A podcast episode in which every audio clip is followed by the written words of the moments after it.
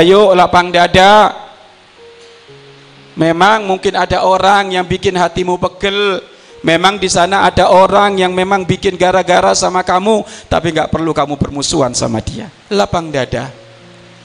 Insarhus sadri atau syarhus sadri lapang dada itu tanda orang-orang pilih pilihan. Makanya ayo sekarang ini kita bersihkan hati kita. Makanya Nabi Musa alaihissalam suatu ketika beliau agak gunda dan agak sesak dadanya maka beliau berdoa Rabbi israh li sadri wa yassir li amri ya Allah israh sadri lapangkan hatiku ya Allah wa li amri dan permudah urusanku ya Allah. Kenapa saat itu? Kenapa Nabi Musa kok minta dilapangkan? Karena saat itu Nabi Musa berlawanan dengan ayah angkatnya Firaun. Yang saat itu Allah menyuruh Nabi Musa dakwain itu Firaun bapakmu itu. Ajak kepada jalan yang benar. Maka saat itu Nabi Musa minta bantuan kepada Allah agar supaya hatinya dilapangkan dikasihkan kemudahan untuk bisa melewati ini semuanya maka engkau biasa minta ke lapangan hati ya jangan ada musuhan jangan ada musuhan jangan ada musuhan. Hati-hati yang lapang yang lapang yang lapang. Bahkan surga enggan dipicaki oleh orang-orang yang musuhan. Enggak. Bahkan orang-orang yang musuhan nanti kalau mau masuk surga saja itu masih di stop oleh malaikat. Kenapa? Inti masih punya sangkutan dengan orang. Nggak bisa inti masuk surga. Kamu punya sangkutan dengan tetanggamu. Belum kelar kamu. Beresin dulu. Gak bisa langsung masuk surga. Walaupun kebaikannya saat berkabrek musya musahin. Maka jangan ada bermusuhan dengan siapa pun. Kalau tiba-tiba ada orang yang mendolimimu jangan nunggu satu menit kelewat jangan nunggu lima menit kelewat jangan nunggu satu jam kelewat kecuali kamu sudah memaafkan dia. Itulah hati yang paling bersih. Maafkan langsung.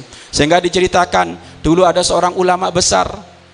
Apabila kita usia seperti ini Tiba-tiba datang orang Gerombolan datang tiba-tiba mencaci maki beliau Dicaci maki beliau habis-habisan. Beliau hanya sabar saja nggak menjawab apa pun. Setelah selesai pencacian tersebut Dicaci maki habis-habisan Maka saat itu orang tadi itu pulang. Pulang menuju rumahnya Kemudian dia sholat dua rakaat Kemudian di dalam sholatnya dia nangis. Maka ketahuan istrinya Selesai sholat ditanya Kenapa engkau nangis?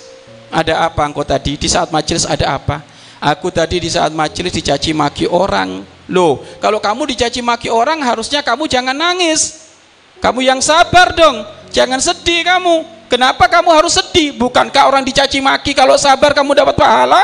Loh kok kamu nangis? Apa jawaban sang ulama ini? Aku sedih nangis karena aku telat memberikan maaf. Masih kotor hatiku. Aku baru memaafkan di saat aku masuk ke rumah. Setelah selesai sholat ini baru aku memaafkan. Kenapa saya nggak memaafkan dia waktu dia mencaciku di masjid? Ulama terdahulu, orang-orang soleh terdahulu telat tidak memberi maaf sedih. Ini tiga hari nggak tegur sapa nyantai saja. Setiap hari ketemu itu loh, pada cuek, pada buang muka nyantai saja. Itu kan hati kotor. Dia nggak bakal dapat malam Lailatul Qadar itu musuh-musuhan itu coba dasar apa yang menjadikan dia nggak mau bertatap muka sama temennya dasar apa yang menjadikan dia nggak mau kunjung tetangga dengan tetangga kalau nggak musuh-musuhan maka jangan ada musuh-musuhan. Jadikan saling mencintai karena Allah. Apakah kamu nggak pingin?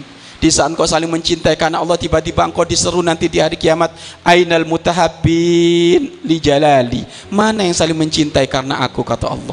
Mana yang saling mencintai karena aku kata Allah. Sini sini kamu, aku siapkan surga yang sangat agung di sini. Kita pengen kayak gitu wahai para santri. Pemirsa di mana pun anda berada, ingat nanti di hari kiamat Allah menyeruh, menyeruh.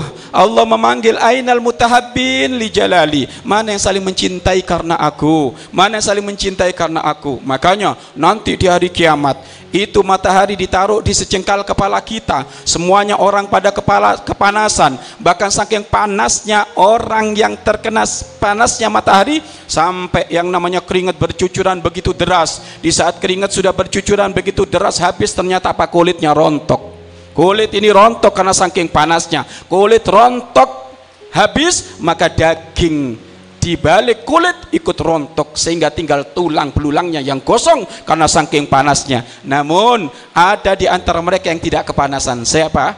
Mereka yang saling mencintai karena Allah. Wahai para santri, agungkan kecintaan dengan sesama karena Allah, karena Allah Subhanahu wa taala. Maka jangan sampai kita saling benci. Kalau ada keteledoran, ayo dimaafkan